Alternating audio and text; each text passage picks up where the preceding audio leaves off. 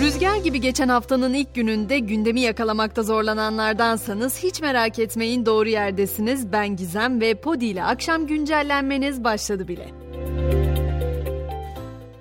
İşimizi elimizden alır mı, alacak mı derken yapay zeka teknolojisiyle geliştirilen robot sunucular Türkiye'de de kullanılmaya başlandı. Sosyal medya hesabı üzerinden geliştirilen robot sunuculara Anadolu Ajansı da eklendi. Anadolu Ajansı yapay zeka muhabirlerini tanıttı. Her ne kadar akıcı konuştukları düşünülse de bence hala vurgulamalar ve duygular konusunda yapay zeka pek de bizim gibi anlayamıyor. Mesela enflasyon dediğimde ortak bir duygumuz olduğunu düşünüyorum ben. Mayıs ayı enflasyonu belli oldu ancak Mayıs'ta doğal gaz fiyatının sıfır olarak alınması verileri aşağı çekti.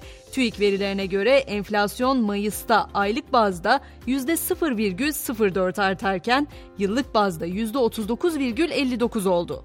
En aksa aylık tüketici enflasyonunu %7,35, yıllık enflasyonu ise %109,01 olarak açıkladı.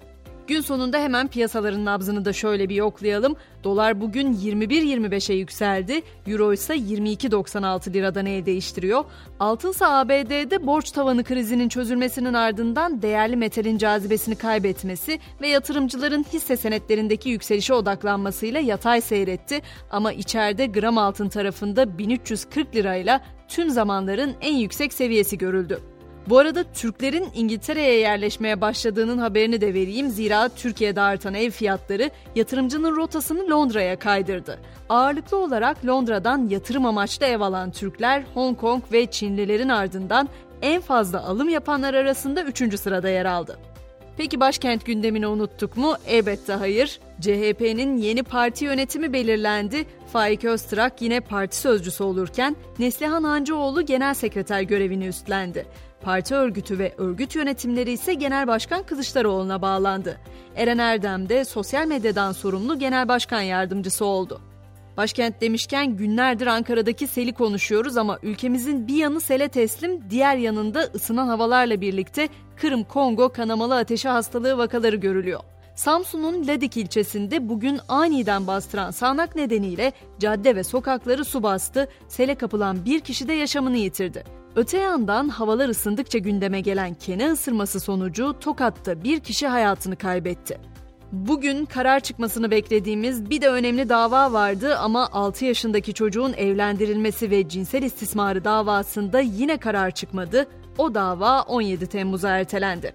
Gülmeyi unutan halimize çare nedir diye sorsam gülme eğitimi cevap olur mu bilmiyorum ama Japonya'da Covid-19 salgınının ardından maske kullanımının kaldırılmasıyla birlikte gülümseme eğitimine ilgi arttı.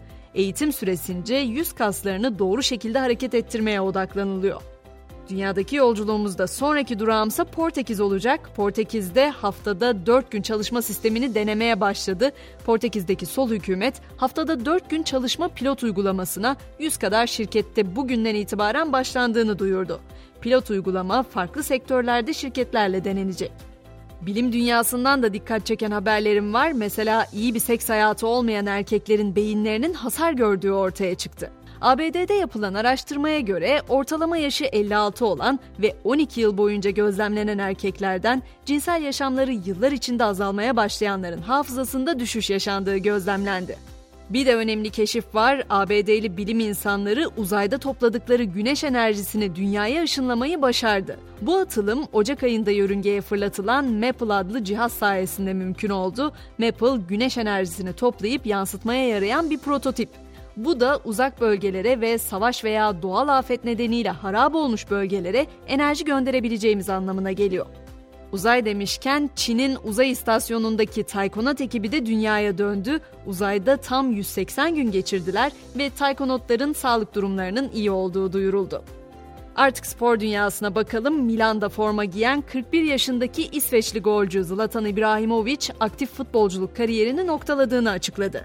Kendisi için özel bir tören düzenlenen İbrahimovic, bugün uyanırken yağmur yağdığını gördüm, lanet olsun Tanrı bile üzgün dedim diye konuştu.